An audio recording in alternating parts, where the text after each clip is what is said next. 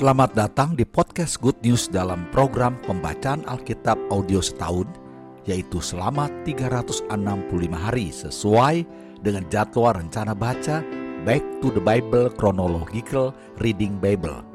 Selamat mendengarkan, Tuhan Yesus memberkati. Inilah mendengarkan firman Tuhan hari ke-30. Keluaran pasal 1 ayat 1 sampai 22.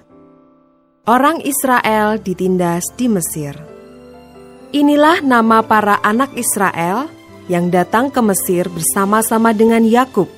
Mereka datang dengan keluarganya masing-masing. Ruben, Simeon, Lewi, dan Yehuda, Isakar, Sebulon, dan Benyamin, dan serta Naftali, Gad, dan Asher. Seluruh keturunan yang diperoleh Yakub berjumlah 70 jiwa. Tetapi Yusuf telah ada di Mesir. Kemudian matilah Yusuf serta semua saudara-saudaranya dan semua orang yang seangkatan dengan dia. Orang-orang Israel beranak cucu dan tak terbilang jumlahnya. Mereka bertambah banyak dan dengan dahsyat berlipat ganda, sehingga negeri itu dipenuhi mereka. Kemudian, bangkitlah seorang raja baru memerintah tanah Mesir yang tidak mengenal Yusuf. Berkatalah raja itu kepada rakyatnya, "Bangsa Israel itu sangat banyak dan lebih besar jumlahnya daripada kita. Marilah kita bertindak dengan bijaksana terhadap mereka, supaya mereka jangan bertambah banyak lagi. Dan jika terjadi peperangan, jangan bersekutu nanti dengan musuh kita dan memerangi kita, lalu pergi dari negeri ini. Sebab itu, pengawas-pengawas Rodi ditempatkan atas mereka untuk menindas mereka dengan kerja paksa. Mereka harus mendirikan bagi Firaun kota-kota perbekalan, yakni Pitom dan Raamses. Tetapi makin ditindas, makin bertambah banyak dan berkembang mereka sehingga orang merasa takut kepada orang Israel itu. Lalu dengan kejam orang Mesir memaksa orang Israel bekerja dan memahitkan hidup mereka dengan pekerjaan yang berat, yaitu mengerjakan tanah liat dan batu bata dan berbagai-bagai pekerjaan di padang. Ya, segala pekerjaan yang dengan kejam dipaksakan orang Mesir kepada mereka itu. Raja Mesir juga memerintahkan kepada bidan-bidan yang menolong perempuan Ibrani, seorang bernama Sifra dan yang lain bernama Pua. Katanya, apabila kamu menolong perempuan Ibrani pada waktu bersalin, kamu harus memperhatikan waktu anak itu lahir. Jika anak laki-laki, kamu harus membunuhnya. Tetapi jika anak perempuan, bolehlah ia hidup. Tetapi bidan-bidan itu takut akan Allah dan tidak melakukan seperti yang dikatakan Raja Mesir kepada mereka, dan membiarkan bayi-bayi itu hidup. Lalu Raja Mesir memanggil bidan-bidan itu dan bertanya kepada mereka, "Mengapakah kamu berbuat demikian, membiarkan hidup bayi-bayi itu?" Jawab bidan-bidan itu kepada Firaun, "Sebab perempuan Ibrani tidak sama dengan perempuan Mesir." Melainkan mereka kuat. Sebelum bidan datang, mereka telah bersalin. Maka Allah berbuat baik kepada bidan-bidan itu. Bertambah banyaklah bangsa itu dan sangat berlipat ganda. Dan karena bidan-bidan itu takut akan Allah, maka ia membuat mereka berumah tangga. Lalu Firaun memberi perintah kepada seluruh rakyatnya. Lemparkanlah segala anak laki-laki yang lahir bagi orang Ibrani ke dalam sungai Nil. Tetapi segala anak perempuan biarkanlah hidup.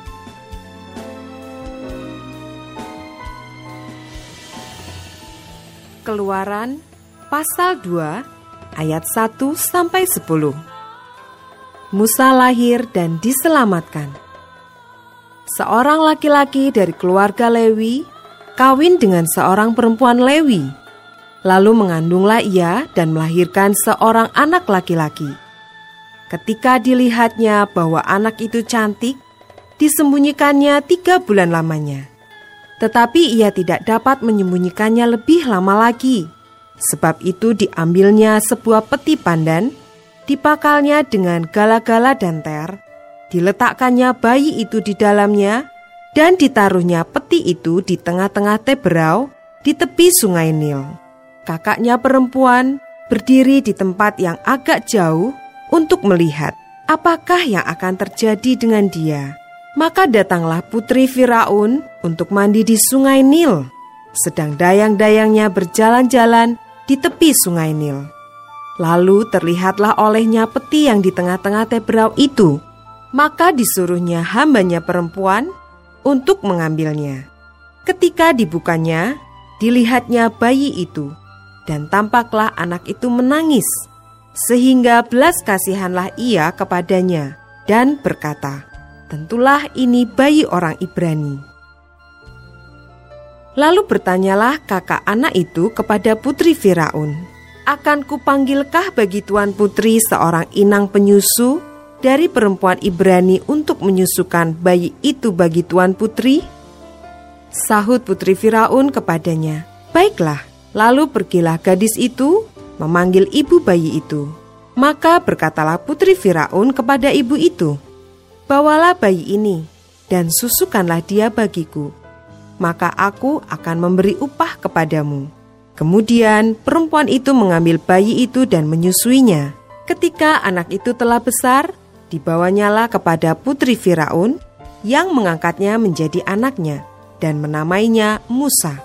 Sebab katanya, karena aku telah menariknya dari air. ayat 11 sampai dengan 22. Musa membela bangsanya, ia lari ke tanah Midian. Pada waktu itu, ketika Musa telah dewasa, ia keluar mendapatkan saudara-saudaranya untuk melihat kerja paksa mereka. Lalu dilihatnyalah seorang Mesir memukul seorang Ibrani, seorang dari saudara-saudaranya itu. Ia menoleh ke sana sini dan ketika dilihatnya tidak ada orang, dibunuhnya orang Mesir itu dan disembunyikannya mayatnya dalam pasir. Ketika keesokan harinya, ia keluar lagi. Didapatinya dua orang Ibrani tengah berkelahi. Ia bertanya kepada yang bersalah itu, "Mengapa engkau pukul temanmu?" Tetapi jawabnya, "Siapakah yang mengangkat engkau menjadi pemimpin dan hakim atas kami?" Apakah engkau bermaksud membunuh aku sama seperti engkau telah membunuh orang Mesir itu? Musa menjadi takut sebab pikirnya, tentulah perkara itu telah ketahuan.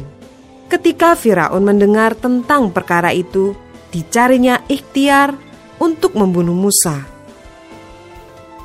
Tetapi Musa melarikan diri dari hadapan Firaun dan tiba di tanah Midian Lalu ia duduk-duduk di tepi sebuah sumur. Adapun imam di Midian itu mempunyai tujuh anak perempuan. Mereka datang menimba air dan mengisi palungan-palungan untuk memberi minum kambing domba ayahnya. Maka datanglah gembala-gembala yang mengusir mereka. Lalu Musa bangkit menolong mereka dan memberi minum kambing domba mereka. Ketika mereka sampai kepada Rehuel ayah mereka, berkatalah ia, Mengapa selekas itu kamu pulang hari ini? Jawab mereka, seorang Mesir menolong kami terhadap gembala-gembala. Bahkan ia menimba air banyak-banyak untuk kami dan memberi minum kambing domba. Ia berkata kepada anak-anaknya, "Di manakah ia? Mengapakah kamu tinggalkan orang itu? Panggillah dia makan." Musa bersedia tinggal di rumah itu. Lalu diberikan Rehuelah Sipora anaknya kepada Musa. Perempuan itu melahirkan seorang anak laki-laki, maka Musa menamainya Gersom. Sebab katanya, Aku telah menjadi seorang pendatang di negeri asing. Ayat 23 sampai dengan 25. Musa diutus Tuhan. Lama sesudah itu, matilah raja Mesir tetapi orang Israel masih mengeluh karena perbudakan, dan mereka berseru-seru sehingga teriak mereka minta tolong karena perbudakan itu sampai kepada Allah.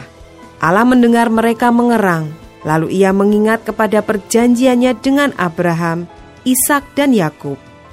Maka Allah melihat orang Israel itu dan Allah memperhatikan mereka.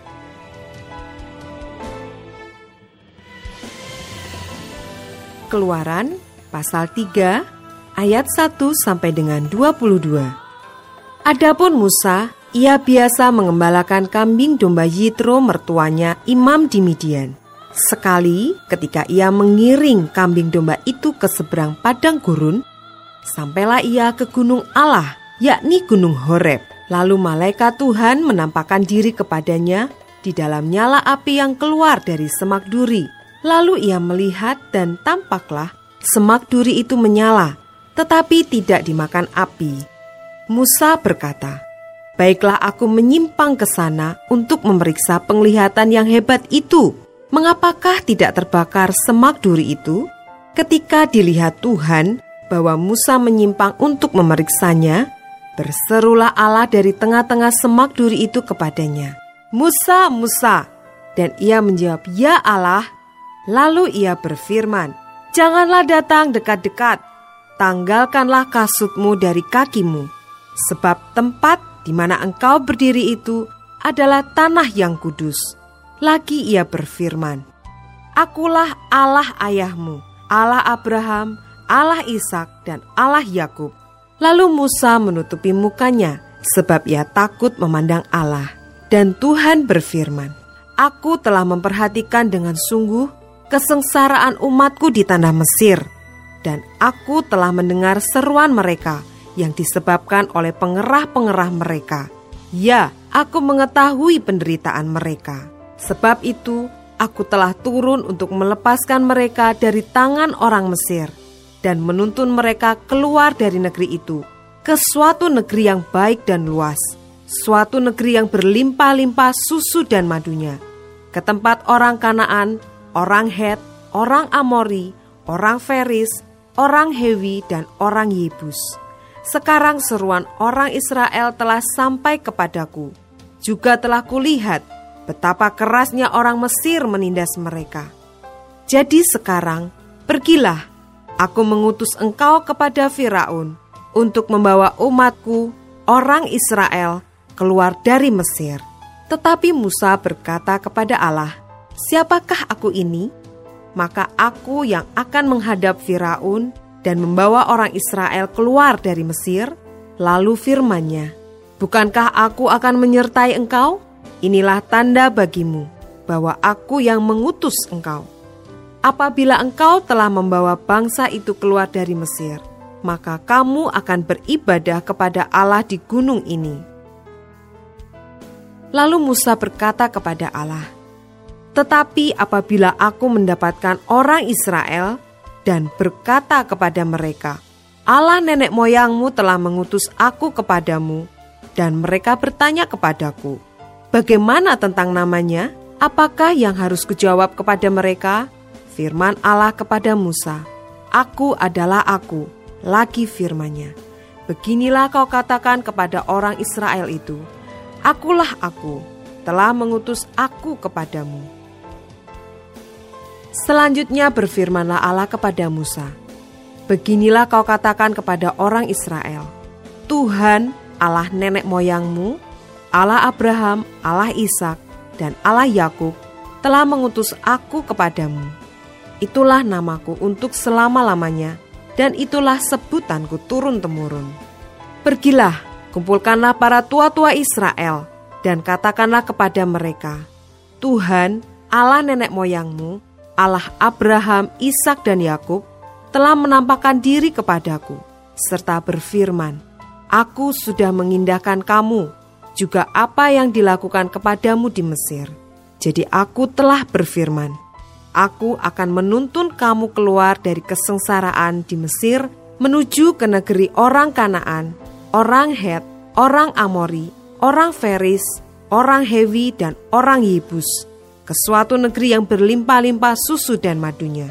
Dan bila mana mereka mendengarkan perkataanmu, maka engkau harus beserta para tua-tua Israel pergi kepada Raja Mesir, dan kamu harus berkata kepadanya, Tuhan Allah orang Ibrani telah menemui kami. Oleh sebab itu, izinkanlah kiranya kami pergi ke padang gurun tiga hari perjalanan jauhnya untuk mempersembahkan korban kepada Tuhan Allah kami. Tetapi aku tahu bahwa Raja Mesir tidak akan biarkan kamu pergi, kecuali dipaksa oleh tangan yang kuat. Tetapi aku akan mengacungkan tanganku dan memukul Mesir dengan segala perbuatan yang ajaib yang akan kulakukan di tengah-tengahnya. Sesudah itu ia akan membiarkan kamu pergi.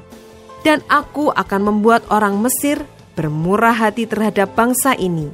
Sehingga apabila kamu pergi, kamu tidak pergi dengan tangan hampa, tetapi tiap-tiap perempuan harus meminta dari tetangganya dan dari perempuan yang tinggal di rumahnya barang-barang perak dan emas dan kain-kain yang akan kamu kenakan kepada anak-anakmu lelaki dan perempuan. Demikianlah kamu akan merampasi orang Mesir itu.